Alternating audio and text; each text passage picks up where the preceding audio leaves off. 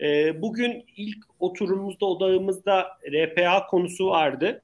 İkinci oturumumuzda da yine otomasyonun iş yapış şekillerini nasıl değiştirdiği konusuna odaklanacağız. E, ve az önce de bahsettiğim gibi e, iki değerli konuğumuz bizlerle birlikte. E, Vodafone zaten global bir şirket. E, Siemens aynı şekilde e, bu iki değerli şirketin temsilcilerinin e, farklı e, konularda değerli yorumlarını birlikte dinliyor olacağız. E, birlikte bu konuda besleniyor olacağız. Başak dilersen sohbetimize seninle başlayalım. E, e, öncelikle Vodafone'daki e, sorumluluk alanlarınla ilgili bilgi verebilirsen çok sevinirim.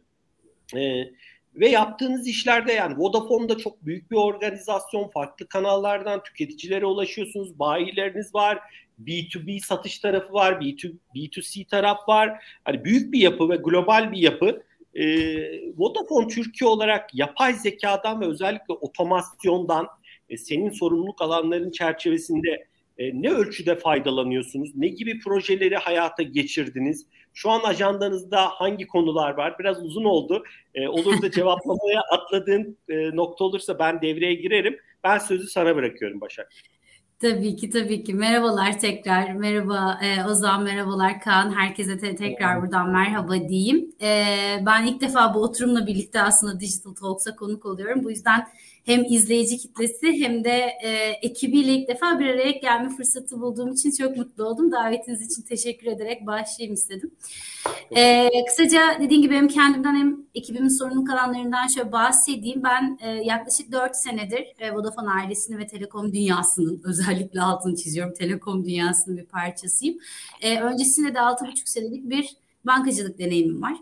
Ee, her iki sektörde de aslında dijital iş geliştirmenin yani müşterilerimizin kullandığı dijital uygulamaların, dijital kanalların ve ürün yönetimlerinin e, bir parçası olarak görev yaptım diyebilirim. E, şu anda ise yine Vodafone'un dijitalde başlayan büyük ecel dönüşümünün bir parçalarından, e, ilk parçalarından diyeyim hatta bir tanesi olan Digital Care Tribe'ımızın liderliğini e, götürüyorum. Şimdi Digital Care Tribe'ı birebir Türkçeleştirmek çok zor e, bu arada. Çok mümkün değil. O yüzden e, zorlanıyorum. E, detaylı anlatmak isteyebilirim bu anlamda. E, Digital Care Tribe aslında yeni nesil teknolojilerle, yapay zekaya dayalı teknolojilerle hem son kullanıcılarımızın ihtiyaçları için kullandığı kanalları geliştiren hem de iç süreçlerimizdeki dijital dönüşme ve otomasyona odaklanan ekiplerden oluşuyor. Biz 70 kişilik yaklaşık bir kabileyiz diyebilirim. 7 tane ayrı takımdan oluşan. E, bu takımların içerisinde Vodafone'un yanımda uygulamasında yer alan dijital asistanımız e, TOBİ'yi geliştiren ekiplerden tutun da e, yine bize arayarak ulaşan kullanıcılarımıza self servis hizmet veren, e, sesli asistanımızı geliştiren ekiplere kadar farklı sorumluluk alanları var. Ee, şimdi Vodafone'daki yapay zeka dünyası dedin Ozan. Ben de bu soruyu birazcık uzun. Yani sorunun kendisi uzundu, cevap da biraz uzun gelecek. Zaman alabilir. Vaktimiz var bu arada. Başak hani rahatlıkla cevaplayabilirsin. Şimdi Vodafone'daki aslında yapay zeka dünyasının biz ekip olarak e, kullanıcıya hizmet veren tarafı da self servis kanal perspektifinden önemli bir parçasıyız. Ama Vodafone'un bizim harcımızda çok geniş bir spektrumu var yapay zekaya dayalı teknolojiler açısından bakarsanız. Bugün yani bizim network planlaması, yatırım planlamamızdan tutun da baz istasyonlarının kontrollerine, sağlık rutinlerine, ürün geliştirmelerine kadar birçok alanda bu teknolojiyi kullanıyoruz. Bunun yanı sıra Kullanıcı ihtiyacına yönelik teklifler tamamen makine öğrenme algoritmaları üzerinden kurgulanıyor ve tamamen kişiselleştirilmiş teklifler sunmaya odaklı çalışıyor aslında Vodafone tüm kanallarında. Ee, yine servislerimiz ve müşterilerimize hizmet verdiğimiz kanalların, dijital kanallarımızın çok önemli bir parçası bu teknolojiler. Ee, bugün daha çok otomasyon konuşacak dedik ama tam ben bu küçük noktada bir parantez açayım. Özellikle bizim e, dijital asistanımız Tobi'den birazcık bahsedeyim hazır yap, yapay zekaya dalmışken. E, bizim Vodafone yanımda uygulamamızın yani yaklaşık aylık 15 milyonluk aktif kullanıcısı bulunan Vodafone yanımda uygulamamızın dijital asistanı var. E, adı Tobi. Dijitalin akıllı çocuğu diyoruz biz ona. E, TOBİ'nin arkasına yapay zekaya dayalı doğal dil işleme uygulaması ile e, kullanıcılarıyla tamamen doğal konuşmaya e, dayalı iletişim kuran bir kişisel asistan, bir chatbot uygulaması aslında. E, bugün ayda 4 milyon e, aylık tekil kullanıcıyla e, yaklaşık 10 milyon chat e, gerçekleştiriyor. Aslında bu anlamda Türkiye'nin en büyük botlarından bir tanesi diyebilirim. İçerisinde bine yakın e, farklı işlem barındırıyor ve bu Vodafone'un kendi kanalları yanı sıra WhatsApp gibi, Google Asistan gibi farklı platformlarında da buluşuyor aslında kullanıcıyla öyle söyleyebilirim. E, hem hem Vodafone'lu kullanıcılara hem henüz Vodafone'lu olmamış kullanıcılarımız aslında e, bu asistan üzerinden hizmet veriyoruz. Bu bizim tribe'ımızın yani bizim kabilemizin önemli asetlerinden bir parçası. E, bir yandan e, TOBİ gerçek mutlu müşteriler yaratıyor. Aslında ölçtüğümüz metrikler ve kullanıcı araştırmalarımız bize biraz bunu gösteriyor ama bir yandan da Vodafone'un müşteri operasyonları tarafında ciddi bir maliyet avantajı da sağlıyor diyebilirim. Ee, bizim her ay hassas ölçtüğümüz bazı metrikler var. Ee, bunların bazı, bazıları zaten dijital asistanlar, chatbotlar dünyasında olmazsa on, olmazlar. Yani en önemlilerinden bir tanesi mesela hepiniz tahmin edersiniz doğru anlama oranı. E, TOBİ %93'lük bir doğru anlama oranıyla e, çalışıyor. Bunun paralelinde tabii şuna da bakıyoruz. TOBİ'yi kullanan kullanıcılar gerçekten ne kadar orada kalabiliyorlar ve tekrar başka bir yere örnek veriyorum çağrı merkezine yana yakıla arama ihtiyacı duyuyorlar mı diye bakıyoruz. Ve e, baktığımızda şunu görüyoruz. %95 kullanıcıların bir hafta içerisinde çağrı merkezine arama ihtiyacı duymuyor. İşlemlerini TOBİ'den hallediyor ve tekrar TOBİ'ye gelmeye devam ediyorlar. E, bu da aslında bizim için şöyle motive edici bir nokta. Özellikle geleneksel yani geleneksel dediğimiz kanalları tercih eden veya etmek zorunda kalan kullanıcılarımızın ciddi bir dijital dönüşüme doğru evrildiğinin bir göstergesi e, bizim açımızdan. Bu nedenle e, TOBİ'miz 3 yaşına basacak Eylül ay, ayında e, de hız kesmeden ona büyük ölçüde yatırım yapmaya devam ediyoruz diyebilirim. Şimdi burası birazcık müşterimize odaklı kanallarımızdan ve ürünlerimizden bahsettiğimiz kısım oldu. Bir de asıl bu gündemin konusuna gelirsek yani iç müşterilerimizin dijitalleşmesine, iç süreçlerimizin sadeleşmesine, dijitalleşmesine, otomasyonuna odaklı çalışan ekiplerimiz var. Ee, bu ekiplerimizden biri de RPA ekibimiz esasında. Ee, RPA takımımız bizim robotik süreç otomasyonu ile aslında iş süreçlerimizi dijitalleştirerek e, manuel yürütülen birçok işi otomatize ediyor ve hepimize zaten daha yaşanılır bir dünya bırakmıyor, bırakmaya çabalıyor diyebilirim. E, RP'nin az önce bir önceki session'ı birazcık dinleme şansım oldu. E, e, eminim çokça uzunca da kez e, kavramı e, tartışmışsınızdır. Eminim buradaki dinleyen herkes de biliyordur ama yeni katılımcılar varsa nedir diyenler olursa diye kısaca özetlemem gerekirse aslında RP dediğimiz klasik robo, robotik süreç otomasyonu tekrar eden kural tabanlı görevleri basitçe anlatayım. Otomatikleştirmek için aslında gerçek bir kullanıcının hareketlerini mimik eden diyeyim işlemleri gerçekleştiren bir sanal iş arkadaşı bizim açımızdan. Bu sanal iş arkadaşlarımız sayesinde hem çalışan arkadaşlarımızın daha verimli, daha kalitatif işlere yönelmesini sağlıyoruz. Hem de süreçlerimizi otomatize ederek yani çok daha hızlı, çok daha hatasız diye altını çizeyim. İş süreçleri kurgulama şansımız oluyor. Ee, bizim Vodafone'da RPA ile serüvenimiz ne zaman başladı derseniz ilk olarak 2019 yılıydı aslında RPA ekibimizi kurmamız odaklı olarak. Tamamen şu anda ecel dinamiklerle çalışan bu ekibin içerisinde RPA'yı geliştiren yazılımcılardan tutun da iş geliştirmecilerine işte süreç analistlerine kadar farklı yeteneklerimiz yer alıyor ve e, partnerlerimize de dahil edersek aslında bu iş süreçleri çıkarmakta bize destek olan partnerlerimizi ciddi bir büyük bir RP ekosistemimiz var Vodafone içerisinde. E, ilk robot kurgularımızı yapmaya başladığımızda bizim 5 robotumuz vardı. Bugün e, geldiğimiz noktada son iki yılda e, 200'e yakın süreci hayata geçirdik. E, ve bu süreçler birbirinden tamamen farklı e, düzlemlerde, farklı platform ve sistemler üzerine e, yaşıyorlar diyebilirim. E, ve hayata geçen bu süreçler sayesinde de e, düzenli raporladığımız metrikler var. Bunlardan bir tanesi ne kadar iş zamanını biz aslında dijitalleştirdik diye bakıyoruz. 200 bin saatlik bugüne kadar 200 bin hatta aşkın saati diyebilirim. İş gücü zamanını dijitalleştirmiş olduk. Ee, bizim hani dışarıya ödediğimiz lisans bedellerinden, hizmet bedellerinden tutun da birçok aslında gider azaltımına da e, bizim açımızdan destek verdi diyebilirim. Yani Vodafone'da şöyle bir analiz yapmıştık. E, bugüne kadar yaptığımız RPA yatırımları sayesinde 23 milyon TL'lik bir verimlilik sağlamış olduğumuzu e, gördük. E, bu da yani bunun içerisine RPA ile ürettiğimiz gelirleri de katarak söylüyorum. Gerçekten bizim açımızdan e, önemli bir e, şey alanı, büyüme alanı yani büyüme alanı. Evet evet büyüme alanı diyebilirim.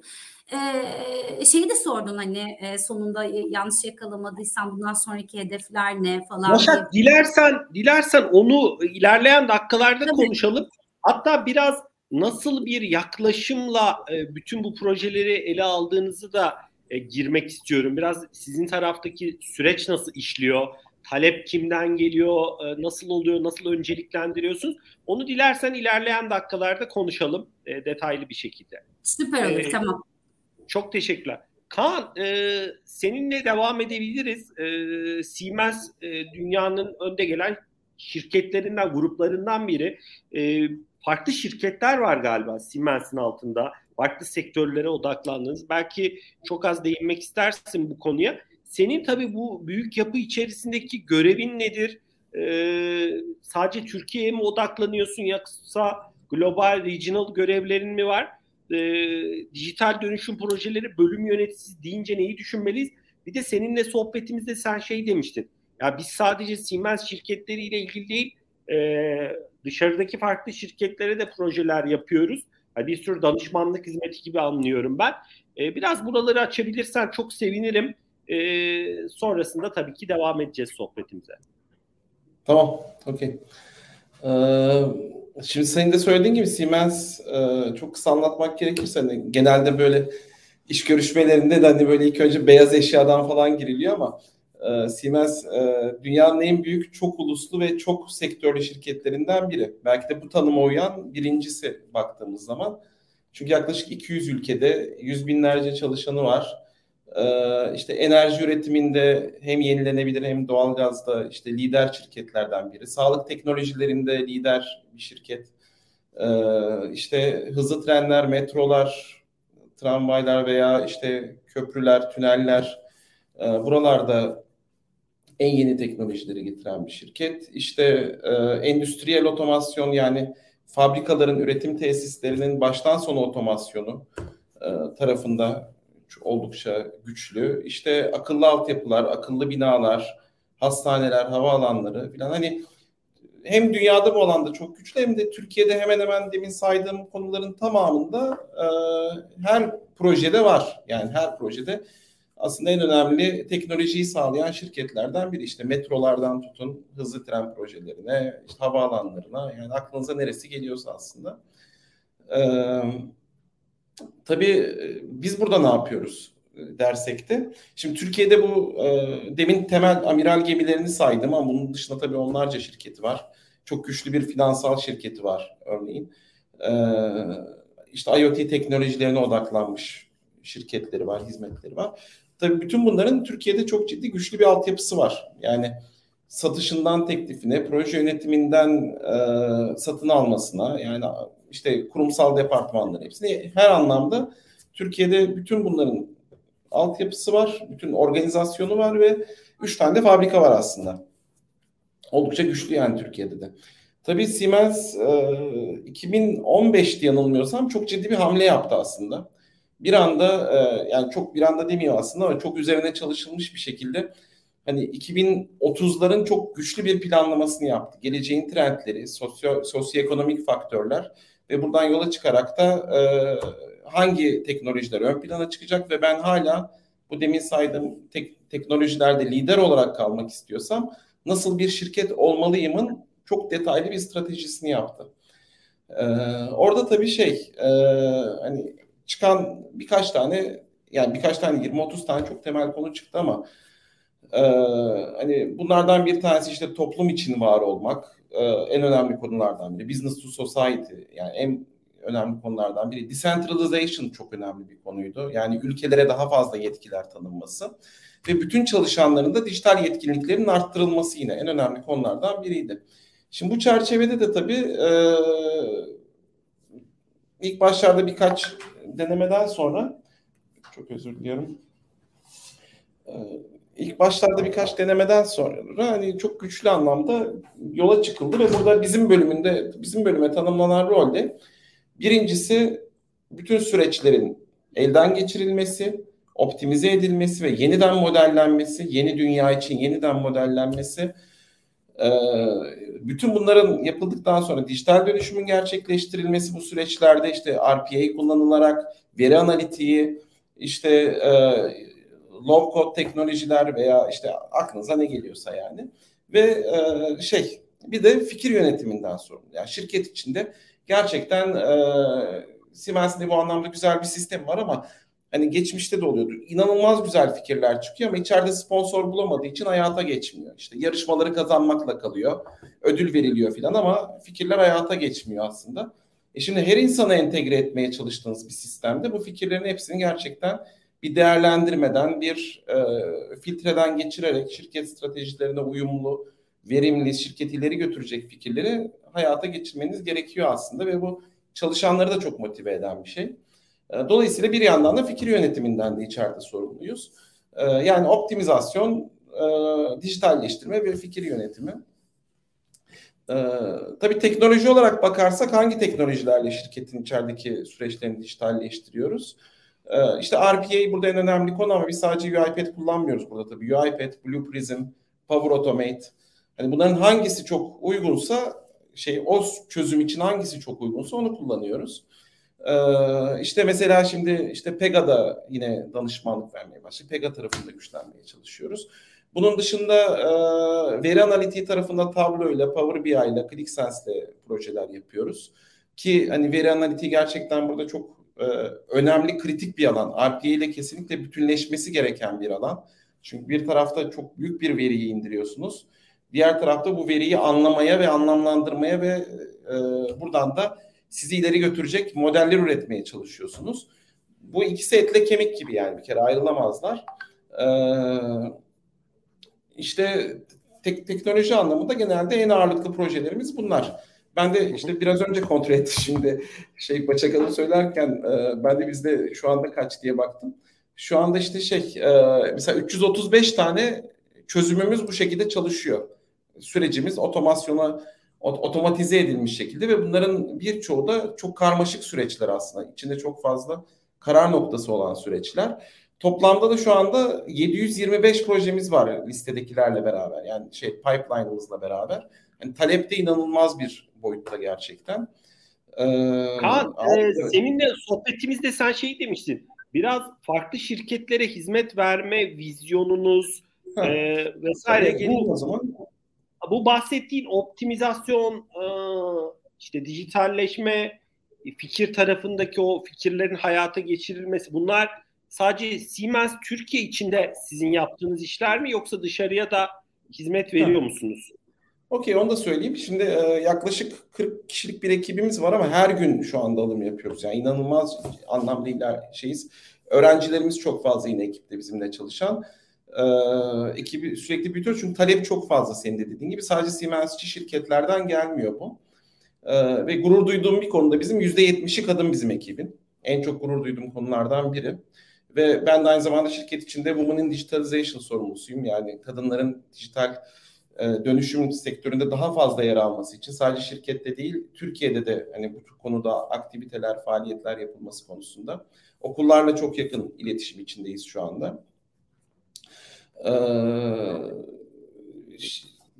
çalışma olarak evet Siemens Türkiye şirketlerinin dışında şimdi Siemens Global'den bize inanılmaz bir talep var. Şu anda Amerika'ya, Fransa'ya, Kanada'ya, İngiltere'ye, bugün itibariyle Kore'ye inanılmaz e, fazla talep geliyor. Oraları da proje yapıyoruz. E, bir yandan da tabii beni de şirket içinde geçen yıl itibariyle RPA'de global olarak sorumlu ilan ettiler. Dolayısıyla globalde de e, bunun bundan sorumluyum, bunun takibinden sorumluyum.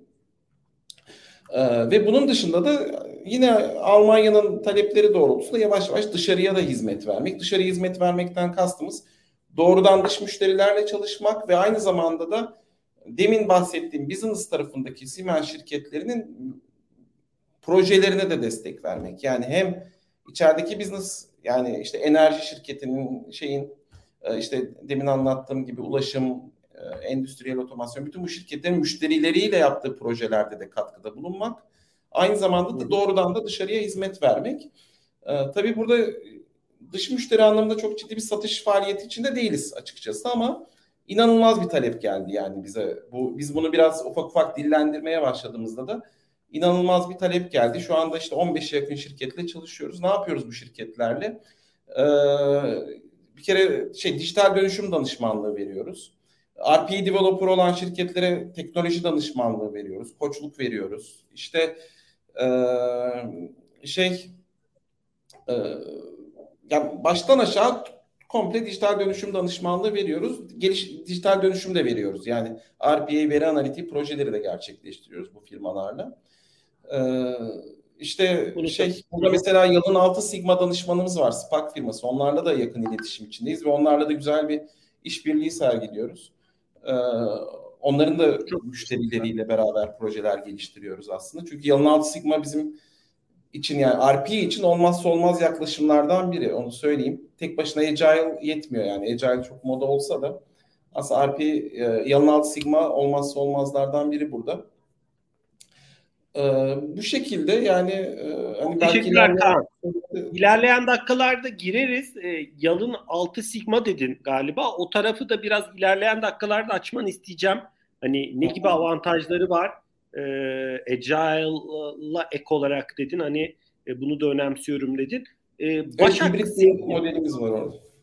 Evet onu anlatmanı rica ederim. Başak seninle devam edelim. Sen 200'e yakın yanılmıyorsam e, projeyi hayata geçirdiğinizden bahsettin. E, biraz burada süreçler nasıl işliyor? E, bölümün mü bir talebi geliyor? Merve ile İş Bankası'ndan belki olan sohbetin o kısmını kaçırmış olabilirsin. Hani e, Merve mesela şey demişti biz İş Bankası'nda işte farklı departmanlarda bizim elçilerimiz var. Bu eğitimleri almış ve kendi departmanlarındaki RPA ihtiyaçlarını e, analiz edebilecek ve bu taleple gelebilecek diye. Hani sizde biraz süreç nasıl işliyor?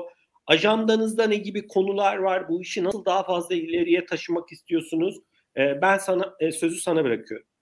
Tabii. Ee, şimdi şöyle aslında e, o session'a denk gelmedim ama anlatacağım şey çok paralel. E, aşağı yukarı e, bu işe gönül koymuş bütün firmalarda da benzer mantıkların olduğunu düşünüyorum. Bu döneme biz ilk başladığımız dönemde aslında nelerin RPA ile otomatize edilebileceği, hangi süreçlerin e, RPA'ya uygun olduğu konusunda çok büyük bir bilinirlik yoktu. Çok doğal olarak yani. E, süreç otomasyonunu önce bir tanıtmanız gerekiyordu şirket içerisinde. Dolayısıyla ilk başladığımız dönemlerde daha e, göreceli olarak küçük ve belli alanlara hitap edebildiğimiz, girdiğimiz, hadi bu alana odaklanalım dediğimiz, örneğin operasyon birimleri çünkü manuel yükler orada çok daha fazladır. E, operasyonel birimlerden örnek iş süreçleri çıkarttığımız bir dönem yaşadık biz. E, burada RPA'yı anlatan, bakın bu süreçleri RPA ile yapabiliriz dediğimiz bir noktadaydık. E, şimdi bahsettiğim gibi tamamen bu ekip ecel çalışan bir ekip e, Ozan. E, bu ekibin içerisinde analistleri, işte iş geliştirmecisi, product owner'ı, developer'ı, tester'ı herkes var partner ekosisteminden bağımsız söylüyorum. Bir de partnerlerimiz var bizimle birlikte büyük bir e, dalgayı e, sürükleyen. Biz ne yaptık bu süreci tamamen Vodafone içerisine, yani Vodafone dediğiniz kocaman bir organizasyon içerisinde birimlerin bile o kadar yani Finkos'undan işte core network ekiplerine kadar inanılmaz büyük bir spektrumu var. Marketplace'ine kadar öyle söyleyeyim yani. O yüzden bütün ekipleri önce dedik ki herkesin mutlaka RPA'nin ne olduğunu bilmesi gerekiyor ki hangi sürecin RPA'ye yani RP ile otomasyona dönüşebileceği, hangi süreçlerde verimlilik elde edebileceğini bilsinler. Bu anlamda da ciddi bir RP harekatı başlattık. Önce gittik bütün birimlerin hem liderlik takımlarına hem de o liderlik takımların belirlemiş olduğu kişilere eğitimler vermeye başladık. Sonra onlardan aldığımız geri bildirimlere göre bu işin hani bir sponu belirledik her birimde. Ee, az önce bahsettiğinde çok paralel diye düşünüyorum e, farklı şirketlerde de. Her birimden spok aslında oranın bayrak taşıyıcısı oldu. Yani mevcutta hangi süreçlerin RPA ile geliştirilebileceği konusundaki e, bilinci artırmak için bizim CEO'muz dahil bütün şirkete bir bilinç kazandırmaya odaklandık aslında öyle söyleyebilirim ve baktık e, bu RP'yi tadını alanlar tekrar tekrar gelmeye başlıyorlar zaten. O yüzden ciddi anlamda bir RP bilgisi oluştu. Şimdi artık e, mevzu şundan çıktı yani mevcut süreçleri hadi nasıl RP'ye dönüştürürüz değil e, yeni bir süreç gelişirken de bu iş aslında sıfırdan RPA ile gelişebilir mi? RPA otomasyonla gelişebilir mi diye bakıyoruz.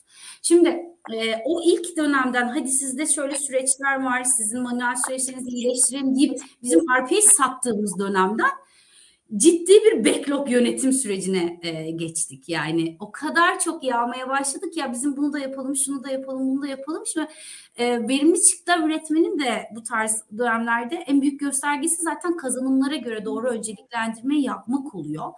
E, ya hangi öncelikle hangi süreci otomatize etmelisiniz, neyi yaparsanız daha çok verimlilik sağlamış olursunuz. Bunu doğru analiz etmek çok önemli bu noktada. Ee, bizim de kısa sürede daha büyük kazanımlara e, ulaşmamızdaki en önemli formüllerden birisi kendimize özel hazırladığımız iki eksenli otomasyon değerlendirme uygulamamız oldu aslında. Bir metot e, e, oluşturduk. Bu metot uygulaması ile birlikte önce işte çok klasik bir sürecin sürece süreç otomasyona uygun olup olmadığını bakıyor e, bu uygulama.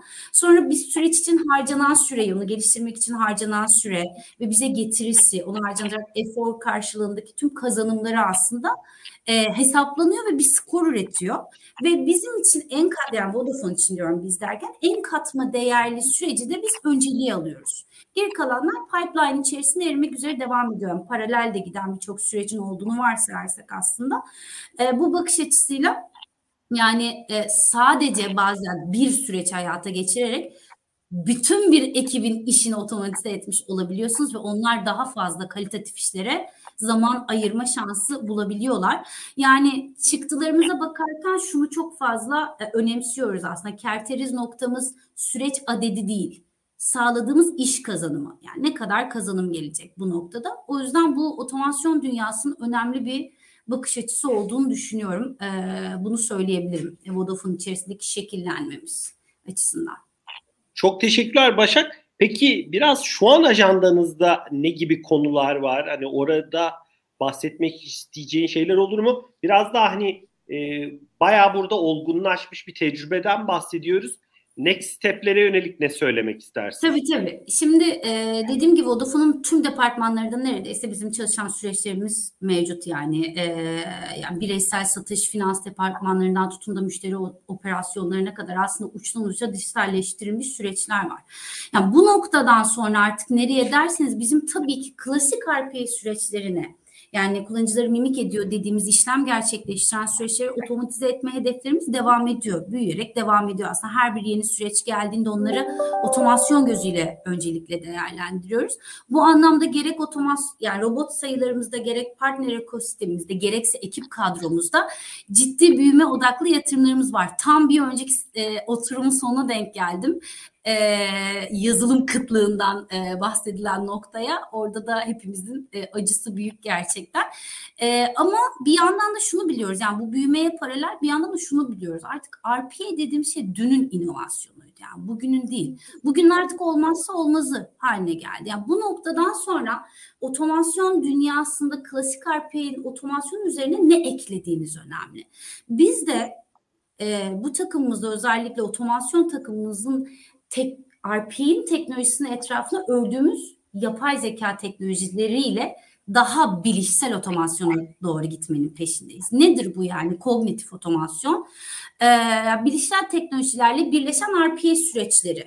Yani çok daha büyük bir etki alanınız oluyor. Örnek veriyorum işte OCR gibi yani optik karakter e, recognition gibi işte intelligent karakter recognition gibi makine öğrenmesi gibi metin sınıflandırma gibi e, farklı teknolojileri de ekledik aslında bu e, RPA ekosistemimize. Artık hani e, bu yüzden daha fazla uçtan uca bir sürece bakma şansımız oluyor. Örnek bir tane örnek vereyim. Yani bir mailin içerisinde bir doküman içeriği varsa, bu doküman okunması gerekiyorsa, işte bir görsel bir fotoğraf çekilmiş bir şeyin fotoğrafı da olabilir bu. Bu OCR teknolojisiyle birleştirip uçtan uca bilgilerin bir yerlere akıtılmasını sağlıyoruz ve mailin içerisindeki yazan metinleri makine öğrenmesiyle kullanarak işte kategorileştiriyoruz. Gerekiyorsa işte gerekli ticketları falan açıyor. E, şikayet sınıflandırmasını yapıyor bu sayede e, RPA robotları. Bunlar gibi birçok süreç aslında bizim kognitif otomasyon e, dünyamızın bir parçası oldu diyebilirim. Daha akıllı sistemleri hayata geçirmek için çabalıyorsunuz e, diye Kesinlikle. düşünebiliriz Başak. Kesinlikle öyle. Kesinlikle. Çok teşekkürler. Kaan e, biraz ilk e, sohbetin başında biraz Siemens'i ta, e, tanıdık gibi oldu. Sizin hani ajandanızdaki konuları ama e, malum bugün odağımızda da biraz yapay zeka ve robotik süreç otomasyonu var. Özellikle RPA konusu. E, biraz e, sizde çok farklı aslında alt alt demeyeyim hatta sektörlerde farklı projeleri hayata geçiriyorsunuz ekipçe. E, hatta dışarıdaki şirketlerle bile görüşüyorsunuz bu anlamda birlikte çalışmak için. E, biraz bu projelerin nasıl hayata geçtiğinden Siemens içinde e, buradaki challenge'lar ne, zorluklar ne, e, ne gibi hala şu an Siemens'te bu dönüşüm sürecinde özellikle RPA perspektifinden fırsatlar var. E, nerelerde çok hızlı yol alabildiniz, neden alabildiniz? Ben sözü sana bırakmak istiyorum. Bizimle içgörülerini paylaşırsan çok sevinirim. Hı hı. Şimdi tabii 4 sene önce biz bu bölümü kurarken e, bir önden bir analiz edelim dedik. Yani dijital dönüşüm nasıl gidiyor dünyada falan. Çok da hevesliyiz, heyecanlıyız filan. E, tabii böyle bir konferanslara gidiyoruz, makaleleri okuyoruz filan. Küçük bir çapta bir şok yaşadık tabii. Yani işte çok büyük danışmanlık firmalarının sunumlarına gidiyoruz. Oraya çıkardıkları önemli bir şirketin yöneticisi diyor ki Allah belamı verseydi de bu işe girmeseydim falan diyor. Çıkıp orada bilmem ee, şey, rakamlara bakıyoruz. Başarı oranı yüzde üç, ölçeklendirme, yayma oranı yüzde üç. İşte e, kendi şirketin içerisinde bunlara inanç oranları yüzde on beşlerde, on altılarda ki geçen seneki rakamlar da böyle bunun bir tık üstünü gösteriyor aslında. İşte Fortune 500 şirketlerine bakıyorsunuz. işte 200 milyar dolar yatırmışlar Big Data'ya. Ama daha iyi karar alamadıklarını söylüyorlar filan. Hani tabii göz korkutucu bir tablo var yani burada. Ee, ve bu noktada tabii tabii ki Siemens'in içinde de e, benzer hikayeler vardı tabii ki ama tabii burada bir teşhisi koymak önemliydi. Yani bunların işte ben hep şeyi söylüyorum. Yani üç tane P var bu işte. People, Process, Product. İşte platform da diyebilirsiniz. Product da nasıl derseniz o üçüncü P'yi. Ee, ama şimdi en büyük hata genelde bu üçüncü şeyden başlıyor. Şirketler product'la başlıyorlar. Aa RPA çıkmış. IT'mize verelim hemen yapsın içeride falan. Geçmiş olsun. Hani orada maalesef çok fazla ilerleme kaydedemiyorsunuz. Ee, dolayısıyla anladık ki şimdi Başak da çok güzel tarif etti. Hani insanla başlamak gerekiyor olaya bir kere. O birinci P ile people'la başlamak gerekiyor. Yani niye başlamak, nasıl başlamak gerekiyor? Bir kere şirket içinde gerçekten herkesi entegre etmeniz gerekiyor. Yani dijital dönüşüm dediğimiz olay e, bambaşka bir şey. Yani bir şeyleri daha hızlı yapmak değil. Yani geçmiş 20-30 senedir yaşanan teknoloji devrimi aslında bir şeyleri daha hızlı yapmamızı sağladı ama daha farklı yapmamızı sağlamadı çok fazla. Dolayısıyla hani bir kere herkesi entegre etmeniz gerekiyor bu sisteme. İnsanlara diyoruz ki biz hani projeniz sen liderlik edeceksin, sen götüreceksin, biz sana destek olacağız. Biz de şampiyonlar çıkardık bölümler içinden hem veri analizi tarafında hem diğer dijital dönüşüm konularında. Ee, ve bizim ekipte herkesin yaptığı işi anlama yükümlülüğü var. Business'ı, yaptığı iş, çalıştığı business'ı. Sağlık teknolojilerine proje mi yapıyor? O MR'lar nasıl kuruluyor? Nasıl sipariş ediliyor? Bunları anlamak zorunda. Kabatas tabii ki hani kendi oradaki uzmanı kadar değil ama e, işte teminat mektupları ile ilgili bir proje mi yapıyor? Teminat mektubu nedir? Ne işe yarar? En büyük eksiklikler nelerdir anlamak zorunda. Bizim çalışanımızın business anlaması gerekiyor e, business'taki insanların entegre olması gerekiyor. E, yine insanları kazandırmak için işte Digital Maturity Index gibi çözümler geliştirdik işte insanların bu anlamdaki olgunluk seviyelerini tespit etmek için kimlere hangi eğitimleri vereceğiz şeklinde.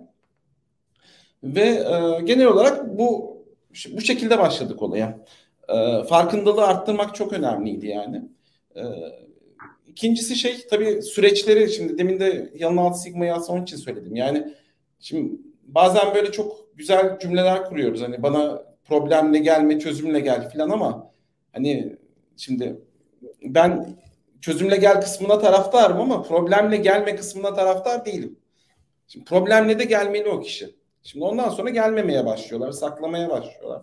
Yani çekinmeye başlıyorlar. Hani zaten şirketin yaptığı en büyük hatalardan biri burada şey e, cesaret etmemek yani. Hani çünkü hani bugün başarısız olsan bile aslında bu senin kaslarını güçlendiriyor, dayanıklılığını arttırıyor, yeni şeyler öğrenmeni sağlıyor. O yüzden başarısız olmaktan korkmamak lazım. Yani aylarca karar vermekle zaman harcamamak lazım. E şimdi böyle olunca çalışanlarda da böyle şeyler oluyor. Ve hani o problemden kaçma hani işte hani Michio Kaku diyor ya atalarımız ilk en cesurlar böyle kaplanlar tarafından yenmiş. O yüzden biz biraz böyle şeyiz. Hani gelecekten korkuyoruz, teknolojiden korkuyoruz, yenilikten korkuyoruz falan diye. E, şimdi e, o problemle gelme kısmını açmak lazım ki. Gelsinler. Yani bize diyoruz ki fikirle de gelebilirsin. Problemle de gelebilirsin. Veya ben dijitalleşmek istiyorum diyebilirsin. Hop bir workshop yaparız hemen. Bütün fikirleri orada çıkarmaya çalışırız. Başak'ın çok güzel tarif et. Filtrelerden, puanlamadan, skorlamadan geçiririz. Ee, benim orada bir tık şeyim e, biz bazen e, şimdi 1'e 5 kazandırıyor. Bizim süreçlerde Siemens için çok güzel bir ölçüm mekanizması var. Ama sadece doğrudan kazançları raporlayabiliyorsun. Şu anda senede bizim projelerimizin yıllık getirisi resmi, kayıt altına alınmış, ispatlanmış doğrudan getirisi 1'e 5. Sadece birinci sene bakın. İkinci sene zaten yatırım maliyeti de yok yani. Sadece birinci sene 1'e 5. Bugün hiçbir spekülatif kağıt bile bunu getirmiyor aslında. İnanılmaz bir getiri gerçekten. Ama e, bazen gerçekten getirisi çok yüksek olmasa da katma değeri çok yüksek olmasa da o bölümün ilk projesi ise mutlaka alıyoruz onu. Veya o kişinin ilk projesi ise. Düşük bile olsa onu alıyoruz ki o kişinin de ertesi gün zaten o kişi 10 tane fikirle geliyor böyle. Bir liste getiriyor önümüze projesi bittikten sonra. Hani küçük projelerle de bazen çekinmiyoruz girmeye yani. Motive yani olsunlar diye. Efendim? Motive olsunlar. Motivasyonları tabii. Yani o insanı kazandırmak önemli çünkü. Tabii şey e, hani Yalın Sigma'yı da niye söyledim? Problem konusuna açıldı. Biraz herhalde dağıttım konuyu orada. Yok yok. E, yalın altı sigma, yalın altı sigmayı bir açabilir misin? E, Onu açacağım. Işte, açacağım şimdi. Şimdi yalın altı sigma niye önemli RPA'ydi? Çünkü e, bir kere bir sürecin varyasyonlarını çok iyi anlamanız gerekiyor. Yok edemezsiniz ancak minimize edersiniz zaten de çünkü hani öyle bir dünya yok zaten ama hani bir sürecin varyasyonlarını çok iyi anlamanız gerekiyor. İstisnalarını çok iyi anlamanız gerekiyor. Doğru soruları sormanız gerekiyor. Şimdi bunları bu detaylara inmeyi, e, buradaki verileri yorumlamayı ancak yanına alt sigma ile yapabiliyorsunuz. E, ben de siyah kuşağım. Bizim ekipte herkesin minimum sarı kuşağı var. E, tek işte danışmanların minimum yeşil kuşağı var. Çünkü e, hani ben buna biraz şey diyorum robotlara aşı yapmak gibi yani o sürecin istisnalarını, varyasyonlarını robotlara aşılıyorsunuz ki e, o ke, senaryolarla karşılaştığında bir anda ortada kalmasın. Yani mutlaka o senaryoya uygun bir şey geliştirsin. E, tabii bu sizin yapay zekaya doğru gidişiniz için de çok önemli. Hani oradaki algoritmaları geliştirebilmeniz için de gelecekte çok önemli. Dolayısıyla yalın altı sigma süreç analizi tarafında çok kritik. Ee, ama süreç tabii dijital dönüşüme başladığımızda artık her neyle yapıyorsak orada artık agile'a dönmek zorundasınız. Çünkü karşınızdaki e, çalıştığınız kişinin de gözünde ilk başta canlanmıyor. Yine Başak'ın dediği gibi. Şimdi orada çok fazla şey geliyor. Aa bu da iyi fikirmiş. Şunu da ekleyeyim, bunu da ekleyeyim. Aa bunu unuttum falan. Şimdi bu durumda geliştirme aşamasında da agile olmanız gerekiyor. Projeyi olabildiğince çok fazla bölüp çıktı verip feedbackleri alıp bir sonraki aşamaya çıktı verip feedbackleri hani bu şekilde gitmeniz, ilerlemeniz gerekiyor ki en sonunda birden bütün değişiklik talepleriyle karşılaşmayın. Ben o yüzden hibrit bir metodoloji benimsiyoruz dedim. Yani analiz aşamasında yalın altı sigma, dijital dönüşüm aşamasında e, agile metotları kullanmak, ikisinin ortak bir metodolojisini kullanmak çok önemli. Yani dediğim gibi people ve prosesle başladığımız için işleri iyi gitmeye başladı. Ee, bir de dediğim gibi e, şirket içinde de bir köprü vazifesi görmeniz gerekiyor. Çok kısa onu da söyleyeyim. Bir tane örnek vereceğim. Mesela bizim insan kaynak, mesela insan kaynakları bölümümüz şu anda PNO diye geçiyor. People and Organization. Şimdi işe alımlar için bizden bir proje istedi. Yani işe alımlarda işte bilgisayarın daha hızlı gelmesi, o kişinin daha tatmin seviyesinin yüksek olması işe başlayan kişinin, işte body'sinin zamanında atanması filan. Biz dedik ki bir dakika önce süreçte neler var? Bakalım. Girdik işte dediler ki işte şey e, bilgisayarları işte tanımlamaları yapılıyor. Siparişleri çıkıyor. Kim var burada? Satın alma var. İşte kim var? IT var. İşte kim var? Doktor var. Kim var? O hepsi gelecek dedik. Şimdi insan kaynakları konusu değil bu aslında. her e, bu bölüm sürecin içindeki herkes gelmeli buraya. Ve orada bir anda şeyi görüyorsunuz. E, mesela insan kaynakları şeyi bilmiyor. Orada bir tuşa bastığında IT'de bir süreç iki gün atıyor belki ama onun farkında değil. İşte IT'deki bir kişi bir şeye bastığında işte bu arada 4-5 bölüm daha var. Sen 3-4 tane saydın da.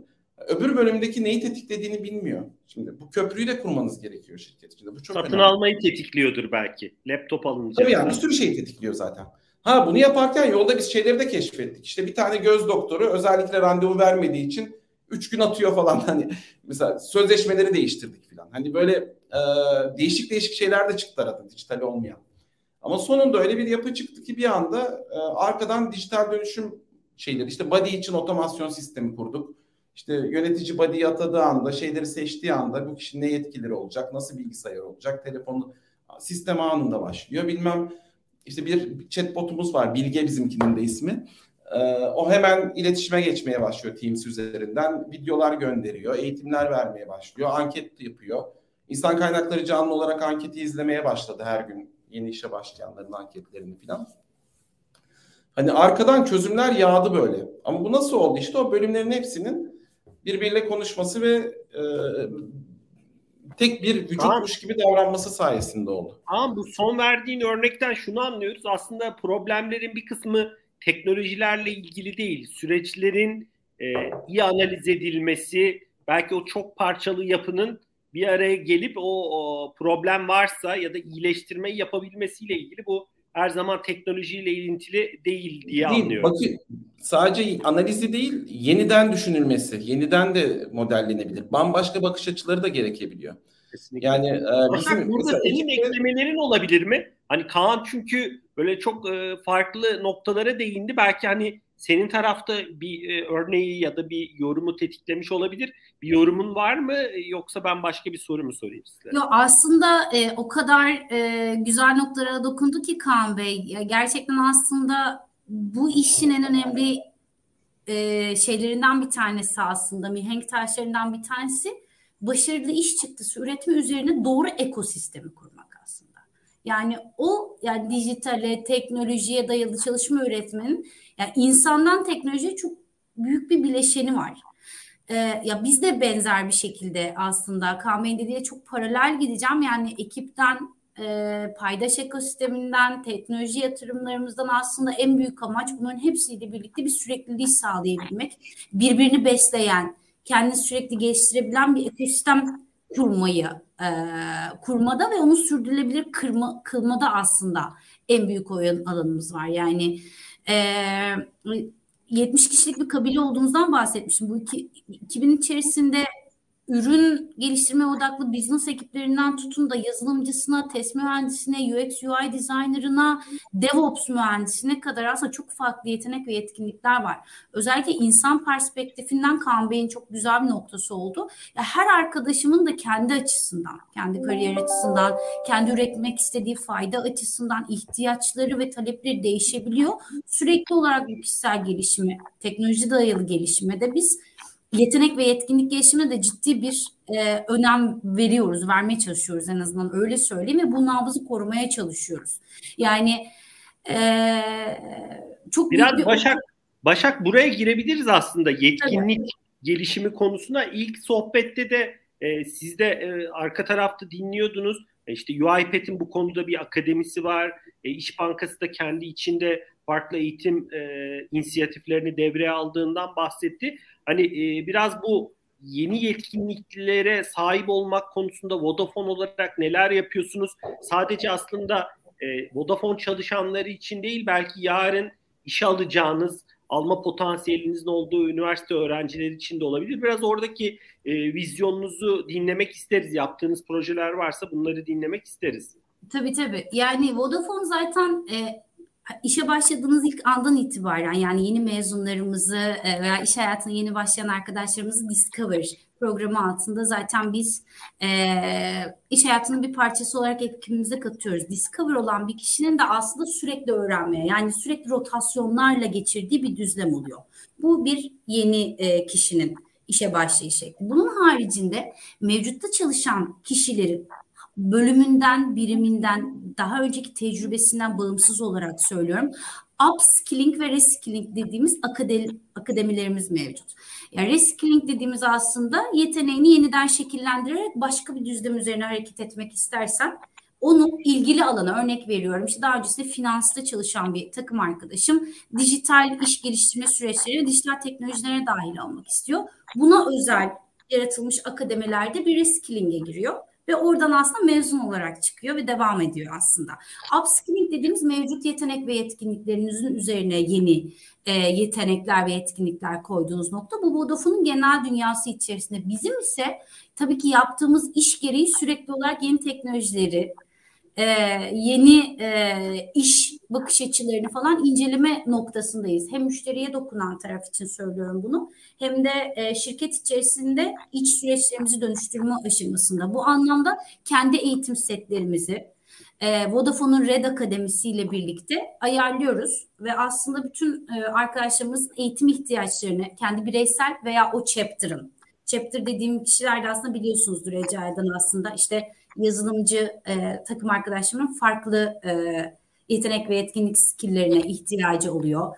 E, business ekiplerinin farklı noktalarda gelişim hedefi oluyor. Hem o chapter dediğimiz küme yapılarını yukarı çıkarmak hem de kişisel yetkinliklere e, yukarı çekebilmek açısından önemli bir şey izliyoruz aslında o zaman. E, yol haritası izliyoruz. E, ve öte yandan da kişilere bence e, otonom karar alabilme inisiyatifini vermenin de bu kişilerin yetenek ve yetkinliklerini ve de e, işe bağlılıklarını ve motivasyonlarını besleyen önemli bir faktör olduğunu düşünüyorum ben. Biz hedeflerimizi belirlerken bile böyle yukarıdan aşağı inen hiyerarşik bir metodumuz yok. Hedeflerin her birinin içerisinde her bir arkadaşımın katkısı ve yorumu var. E, bunu, onlarla birlikte aslında belirlemeye gayret ediyoruz ve bütün fikirleri e, test and learn bakış açısıyla zaten Ecel'in temel mantığı yani deneyimleyerek öğren bakış açısıyla bütün açık ve şeffaflıkla yaklaşıyoruz ve denemelerine olanak sağlıyoruz. Yeni bir teknolojiyi, yeni bir ürünü, yeni bir bakış açısını denemeleri için onlara mümkün olduğunca alan yaratmaya çalışıyoruz. Bu alanı yaratmak da şeylerde çok zordur. Yani yüzde yüz utilize olduğunuz bir ortamda inovasyona çok yer kalmaz. Gerçekten çok e, çetrefilli bir e, şeydir o e, arada kalma durumu vardır ama mümkün olduğunca biz o alanı yaratıp e, kendi fikirlerini geliştirmeleri, e, mevcut işlerine katkı sağlayacak kendi fikirlerini veya da tam bunun dışında bir perspektiften e, yeni bir fikir geliştirerek e, o fikrin e, büyümesini sağlamaları için katkıları hem Vodafone olarak hem de ekip içerisinde kendi alanımızda vermeye çalışıyoruz öyle söyleyebilirim. Çok teşekkürler Başak bu otonom e, karar verebilmenin önemini Kaan da aslında organizasyon yapılarını vurgularken hani Siemens çok büyük bir yapı ama işte bölgelere belki ülkelere daha fazla yetki vermek o da insanların motivasyonlarını olumlu yönde etkiliyor diye tahmin ediyorum. E, Kaan senin biraz bu geliş e, yani e, yeni yetkinlikler, şirket içindeki insanların bunlara hazır olması biraz ekosistemdeki belki e, yeni neslin buna hazır olması anlamında e, yani yaptığınız, yürüttüğünüz kimi işler var mı? Bu konuda ne söylemek istersin? E, gördüğün açık var mı? E, hani bu konuda ne ya söyleyebilirsin? Tabii şimdi açık başta eğitim sisteminden başlıyor bir kere. Yani e, ya maalesef e, eğitim sistemimiz hala e, öğretmeye değil sıralamaya odaklı bir sistem bir kere. Öncelikle oradan başlayalım. İkincisi hata yapmanın günah olduğunu bilinçaltına yerleştiren bir sistem. Oradan da devam edelim. Ve e, ortalamalara çok fazla bakan bir sistem. Yani e, aslında dünya buraya doğru gitmiyor. Şimdi bugünkü eğitim sisteminden bahsediyoruz. Hani hep şimdi çocuğumuz olanlar da işte velilerle konuşuyordur filan. Çocuğu ne olsun, nereye yönlendirsin filan. Şimdi bugünkü çocuklar 2000 ömürde uzarsa ki uzayacak teknolojiler öyle gösteriyor 2080'de falan emekli olacak eğer emeklilik diye bir kavram olursa şimdi. Ya biz şimdi burada 2030'u göremiyoruz. Yani 2030'u ne olur acaba diye tartışıyoruz değil mi? Şimdi 2080'de emekli olacak insanları şekillendirmeye çalışıyoruz. Şimdi dolayısıyla eğitim sisteminde bir kere olay başlıyor zaten. Ee, ve eğitim sistemlerinde hala e, verinin önemi ve algoritmanın önemi ikinci planda. Yani ee, sadece kodlamadan bahsetmiyorum. Yani bugün algoritma niye önemli? İşte görüyoruz yani şu anda bile şeyler başladı yani arkeolojide patlama yaşanıyor değil mi? İşte işte bir yani bir işte şeyi bulurken yeni teknolojilerle artık toprak altını görebiliyorsun. O en, ormanın en girilemez yerlerini görebiliyorsun. Belki geleceğin en önemli mesleklerinden biri olacak. E, sosyolog dediğin meslekte, sosyolojide veri inanılmaz önemli. Pilot derken karar verme mekanizmaları algoritmaya dayanıyor. Doktor derken böyle işte e, hani sağlıkta zaten sağlığa hiç yani girseniz çıkamazsınız yani. Tamamen e, algoritma ve verinin yorumlanması üzerine. E şimdi bizim demek ki hani bir kere neslimizin buna hazırlıklı olm yani yeni gelen nesillerin e, bu eğitimlerle gelmesi gerekiyor bir kere. E, orada bir tık e, eksiyiz. Ee... Bir de Kaan orada şey de var yani e, bize de o eğitimler verildi. Üç aşağı beş yukarı yakın yaşlarımız. Ya hani sanki üniversiteden mezun olduk bitti bu iş. Hani biraz insanlara da sürekli öğrenme kültürünü bence aşılamak gerekiyor. Çünkü Başak da bahsetti. Yani upskilling işte reskilling sen diyorsun ki işte 2080'de o kişi emekli olacak falan diye. Yani yoksa ayakta kalmak, e, iş piyasasının talebine cevap verecek bir çalışan olmak mümkün değil. O da ancak yeniden öğrenmeyle mümkün. Sürekli. Tabii, tabii. Yani aynen öyle. Bir kere e, yeniden öğrenme, çok soru sorma becerisi kazandırmak gerekiyor. Mesela soru sormaya da hiç odaklandırmıyoruz yeni nesilleri. Yani soru sormaktan çekiniyorlar, hata yapmaktan korkuyorlar. E, ama hani şey, e, ya ben bunu çok empoze etmeye çalışıyorum gerçekten yani. Hata yapmaktan korkmamak lazım. Hani şimdi resilience diye böyle havalı kelimelerle falan şey yapıyoruz ama hani ben buna Raki sendromu diyorum yıllardır. Hani Raki'ye vuruyorsun vuruyorsun ayağa kalkıyor geri geliyor falan. Hani en önemli beceriler bunlar hayatta zaten bir kere. Ee, şimdi işe alım tarafına gelirsek de e, tabii şey burada. Şirketlerin de yapması gereken bir kere attitude. Yani hani yine Simon Sinek'e de buradan selam gönderelim. Hani attitude'a bakın, skill'lere, becerilere bakmayın diyor ya iş alırken. Beceriyi öğretebilirsiniz. Dolayısıyla sizin içeride çok iyi bir e, sisteminiz olması lazım bu becerileri öğretmek üzerine. O attitude yoksa, aradığınız değerler yoksa o kişide dünyanın eğitimini de verseniz zaten bir işe yaramaz. Dolayısıyla değerler her şeyden önemli. İş alırken değerlere bakması gerekiyor şirketlerin. Ee, ve son zamanlarda kan, son zamanlarda toksik kültür kavramı da çok böyle gündeme geldi. Eskiden duymuyordum o kelimeyi. İşte toksik çalışan, toksik kültür. Hani o biraz da o şeylerle işte değerlerle ilgili e, belki çok bilgili, çok e, hani alanında uzman bir kişi olabilir ama senin bahsettiğin gibi o şirketin değerlerine yani o, o e, yaklaşıma, tutuma sahip değilse içeride aslında katkıdan çok zarar da getirebilir. Tabii ki yani kesinlikle getiriyor. Getirebilir değil, kesinlikle getiriyor. Onu söyleyeyim yani. Ee, dolayısıyla hani önem verdiğimiz işe alırken başlamak gerekiyor bu önemi bir kere zaten. Hani, hı hı. Çok o, çok o aşama çok kritik bir aşama. Başak burada senin bir eklemen var mı? Ee, yoksa ben bir soru soracağım. İlerleyen dakikalarda da sohbetimizi sonlandırabiliriz. Ya devam edebilirsin o zaman bir eklemem şu an için yok. Tamam. Biz böyle biraz şey hani ülkenin sorunları. Evet evet gündeme girdik. Ama, ya tam ama... şeyi düşünüyordum e, Kaan Bey anlatırken bir yandan hani o e, gerçekten öğrenme dünyasını tetiklemeye çalışıyoruz. Bir yandan da o kadar çok her şey var ki her şey her yerde ve ciddi bir eksiklik duygusu içerisinde insanlar. Orada bir şey oluyor benim haberim yok yani e, FOMO'nun çevremini bulamadım tam ama ciddi e, böyle bir, bir şeylerin uzağında kalma, bir şeylerden yoksun kalma, eksik kalma hissiyatı. Kaçırma, kaçırma korkusu. Fear of kaçırma, çok doğru. Öyle. Aynen öyle. Kaçırma, bir şeyleri kaçıyor muyum hissiyatı da gerçekten e, çok yeni nesilde de çok görüyoruz aslında. Bunu çok böyle şeye işlemiş durumda. Ya, o yüzden çok böyle ince ince gerçekten her şey yolunda işte her şeyi öğrenebilirsin her şey açık deneyimleyerek öğreneceğiz hep birlikte. O kültürü getirebilmek gerçekten önemli bir mevzu. Özellikle de bizler gibi yani bugünkü oturumumuzun konusu gibi daha yeni nesil teknolojilere, daha böyle yapay zekaya, teknolojilerin harman olduğu ve bu nedenle de bir sürü yetenek ve yetkinliğin içeride olduğu işleri yapıyorsunuz. Bu çok çok daha önem kazanıyor. Sadece bunu ekleyebilirim. Eklemeyeceğim deyip ekledim yalnız çok. Yo yo çok çok teşekkürler Başak. Hakikaten de o fazlalık içinde süzme yetisi hani sen demin dedin ya birçok proje talebi var biz ama bunu önceliklendiriyoruz aynı şekilde hani bu kişiler için de geçerli çok ciddi sayıda tırnak içinde bilgi var ee, belki o bilgiyi e, doğru süzmek, önceliklendirmek çok kritik. Ben son bir soru sorayım. Bu keyifli sohbeti de birlikte kapatalım. Ee, yani sizler şirket içinde yetkinlikler var, organizasyon yapınız var, e, farklı iş ortaklarıyla çalışıyorsunuz. Bu iş ortaklarının çalışanları var, belki danışmanlık şirketleri var.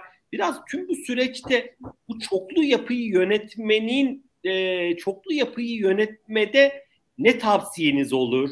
Ya da burada sık düşülen hatalar ya da yaşanılan zorluklar, challenge'lar ne oluyor? Çünkü bu tek başına bir şirketin de bir başarısı değil galiba. Ee, ne söylemek istersiniz bu konuda? Dilersen Başak seninle başlayalım. Ee, ya şimdi sen organizasyonlar, sorumluluklar falan deyince tabii ki hemen böyle ecel çalışma metodolojisinin altını çizmek istedim. Yani dediğin her bir iş dalında özellikle büyük organizasyonlarda en büyük tartışma konularından biri bugün bizim gündemimize de geldi. Öncelik belirleme mevzusu aslında. Yani ee, özellikle yatırımların, eforların ortak bir havuzdan beslendiği organizasyonlarda neyi, ne zaman, neden yapıyoruz konusu herkesin kendi haklı önceliği olduğu durumda daha da zor bir mevzu haline dönebiliyor. Yani biz buradaki yani en büyük e, konuyu aslında en büyük dönüşüm burada yaşadık diye düşünüyorum. Yani bizim öğrenimimiz aslında Ecel'in bize getirmiş olduğu önceliklendirme ve hedefe odaklanma konusundaki dönüşümümüz. Yani neredeyse birçok birim şu anda Vodafone'da gerçekten Ecel çalışıyor bu arada. Gerçek olmayan Ecel noktalarda çalıştığım için bunu söylüyorum. E, Vodafone'un e, yani her bir organizasyonu birer mikro enterprise gibi. Yani bir işi yapmak için ihtiyaç duydunuz Tüm yetenek ve etkinlikler aslında takımın içerisinde dedike olarak, mümkün olduğunca diyeyim dedike olarak yer alıyor. Bu sayede bağımlılıklarınızı aslında en aza indirgeyerek otonom olarak çalışabiliyor oluyorsunuz. Yani her bir birimin bu mikro enterprise'ın yatırım bütçesi kendine has. Dolayısıyla siz kendiniz karar veriyorsunuz neyi nasıl yapacağınıza. Tabii bu şu demek de değil fazla otonomluğun olduğu yerlerde kopukluk olabilir. Yani büyük resimden uzaklaşma anlamına gelebilir. Bu, bu böyle de olmadı. Çünkü bu takımlardan her biri biz şirket kültürü olarak şunu çok fazla vurguluyoruz. E, her bir takım arkadaşım e, aslında Vodafone'un hedefini temelde biz büyük resimde Vodafone olarak nereye gitmeye çalışıyoruz bir e, aşağıya indiğinizde tribe olarak bizim hedefimiz ne? Biz Vodafone şirket hedefini nasıl destekliyoruz? Her bir takımın ve her bir kişinin bu hedeflerdeki rolü bunlar çok net aslında herkese tanımlanmış durumda. En azından bunu tanımlamaya çok çabalıyoruz. Bu yüzden bence ekiplerin neyi niye yaptığını bilmesi çok büyük önem arz ediyor. Bizim en büyük öğrenimlerimizden bir tanesi de bu. E, liderlik takımlarındaki arkadaşların çok da konuştuğu bir şey. Yani birçok organizasyon liderinin içeride konuştuğumuz bu takımlara bu bilgileri aktarabilmek. Yani ben bunu yapıyorum çünkü bu yüzden. Bu Bugün bunu önceliklendirdik çünkü bu yüzden Ecen özünde de bu yatıyor. Açık Yine, iletişim. Tabii aynen aynen öyle. O şeffaf iletişim ve de onların katkı sağlamasını sağlamak diyorum. Yani hedefler bile aslında böyle down bir hedef belirleme silsilesi diye bir şey olmuyor. Ee, çoğunlukla biz kendimiz kendi yorumlarımızla büyütüyoruz aslında. Test ederek, deneyimleyerek öğrenme. Yine bu bence büyük bir konuyu ortadan kaldırıyor. Özellikle niye soruyorum? Yani sorun dediğimiz şey özellikle müşteriye dokunan projelerde e, söz konusu olduğunda yani değer yaratacak en küçük parçayı geliştirmek önemli oluyor ya az önce Kaan Bey de onun altını çizmişti aslında. Önce mi, yani minimumda değer yaratacak en küçük parçayı geliştiriyorsun ve kullanıcının yorumunu açıyorsun. Özellikle son kullanıcı müşterinin olduğu noktada bu çok çok daha bir önem yaratıyor yer e, teşkil ediyor. Çünkü kullanıcılarımızdan aldığımız verilere göre ürünün gidişatına ve geleceğine son noktaya karar veriyoruz. Aslında ürünü kullanıcı geliştiriyor bu perspektifte. Olası bir problemde daha küçük ölçekte saptanabiliyor. Hemen düzeltme, müdahale etme şansınız oluyor büyük bir e, şey yaşamaktansa. E, aslında nasıl bir ürünün nasıl bir servise ihtiyacı olduğunu bu şekilde müşteri kendisi e, yaratarak karar veriyor diyebilirim. Müşteriye verdiğiniz hizmetin memnuniyetsizlik oluşturmuşsunuz, başınıza gelebilecek en büyük problem olduğunu düşünürsek de aslında bütün bu e, geliştirme sürecinin bir parçası yapmak müşteriyi. E, kafamızdaki doğrulara göre değil de gerçek müşteriye yorumlarına dayalı bir şekilde geliştirmek. Bir yandan da yeni teknolojileri, yeni bakış açıları test etmek, deneyimlemek aslında büyük bir şeyin önüne geçiyor, e, problemin önüne geçiyor diyebilirim bu açıdan. Çok çok teşekkürler Başak değerli paylaşımlar için. Kaan e, senin yorumlarını alabilir miyiz bu konuda? E, biraz e, yani e, organizasyonel şey, karmaşadan değil mi? Hı hı. Evet. Hem biraz evet, o, e, o konu var. Ya organizasyonel karmaşa demeyeyim de ya doğru or evet yani sen öyle adlandırıyorsan tabii ki yani organizasyon yapısı e, sen farklı tedarikçilerden bahsettin, iş ortaklarınızdan bahsettin, onların çalışanları var, belki danışmanlık şirketleri var. Burada hani e, düşülen sık hatalar ne olabiliyor? Tüm bu işi yaparken e, bir e, takım olarak ekipçe bir hedefe doğru yürürken hani eklemek isteyeceklerim var mı? Başak çok güzel noktalara değindi. Yani evet bana çok bırakmadı zaten orada ekleyeceğim bir şey aslında çok doğru şeyler söyledi. Ee, yani ben biraz şeyden hadi gireyim çok kısa. Ee, kısa diyorum da ben de böyle konuşuyorum sürekli. Ee, ben bir ara spor yazarlığı da yapıyordum. Bilmiyorum hiç denk geldim mi ama e, mesela Johan Cruyff'un hayranıydım ben. E, Cruyff'un çok güzel bir sözü var. Hani futbol basit bir oyundur ama en zoru da basit oynamaktır. Şimdi bu iş hayatında birebir oturan bir cümle. İnanılmaz bir cümle gerçekten. Zaten filozof kendisi neredeyse biliyorsun yani futbolun filozofudur. Ee, iş hayatına o kadar güzel oturuyorken bu karmaşanın içinde o basitliği görebilmek çok kolay bir şey değil. Ve o, o kadar basit düşünebilmek, onu basite indirgemek daha doğrusu çok zor. Ee, bir yandan çünkü çok karmaşık bir sistemi yönetmeye çalışıyorsunuz. Ee, herkesi aynı anda mutlu etmeye çalışıyorsunuz. Ki herkes aynı anda mutlu edemezsin şey de artık tarihe karışıyor. Yani veri analitiği ile beraber artık belki herkesi mutlu etmenin yolunu da bulacaksın. Yani o yüzden veri analitiği de çok önemli burada. Ee, ama işte bunu nasıl basite indirgeyeceksin? Nelere odaklanacaksın peki? Tabii çok temel şeyler bunu cevap veriyor. Yani bunlardan biri bir anlam arayışı kazandırmak. Yani bir kere yaptığın işin anlamlı hale getirmek. İşte iletişim zaten hani iletişimde alt bacakları var. Bir tanesi şeffaflık. Yani bizim ekipteki en önemli konu şeffaflık. En çok üstünde durduğumuz konu. Özellikle bu uzaktan çalışmada zaten. Hani şeffaflık inanılmaz önemli bir konu. İşte onun dışında şey e, eğlenmek, hani keyif almak, eğlenmek. Yine orada Phil Jackson atıfta bulunayım. Michael Jordan'ın, Kobe Bryant'ın efsane hocası. Hani hep o da şey takımlarımı kabile şeyinin beşinci seviyesine getirmeye çalışıyorum diye anlatır. Hani dördüncü seviye bize karşı dünya, beşinci seviye artık biz eğleniyoruz. Dünya umurumuzda değil seviyesi. Gerçekten de hani getirdiği takımlarda hep o seviyededir. Yani o kabilenin beşinci aşamasıymış o. Ee, eğlenmek, hani iletişimde bunları hedeflemek aslında yani en önemlisi. Ee, ve e, iyi bir dinleyici olmak. Hani yine kafanızdaki ön yargılardan kurtulmak. E, ve esneklik. Hani bu da biraz yine onların bir sonucu ama yani e, bazen şey karşı, karıştırılıyor. Yani değişim yönetimi dediğimiz zaman hep şey anlıyoruz mesela. E, değişime çabuk adapte olmak. Aslında bence yeter yani. Değişim yönetimi dediğimiz şey bugün değişen şeyin bir süre sonra yeniden değişeceğinin bilincinde olabilmek, kendini buna hazırlayabilmek, esnek olabilmek. Ya bu temel kavramlar yani biraz böyle felsefik felsefik şeylere girdim ama yani temel bu temel kavramlarla basitleştirebiliyorsun aslında yaptığın işi ve oradan bir e, anlama odaklanabiliyorsun. Kolay mı? Kesinlikle değil. Cruyff'un dediği gibi dünyanın en zor işi. Ama e, yapabilirsen e, işte şey bir yere doğru gidiyorsun gerçekten hızlı bir şekilde. Çok teşekkürler Kaan. Ee, e, belirttiğin alıntıları da not ettim. Ee, çok değerli. Bu arada köşe yazılarını okumamıştım.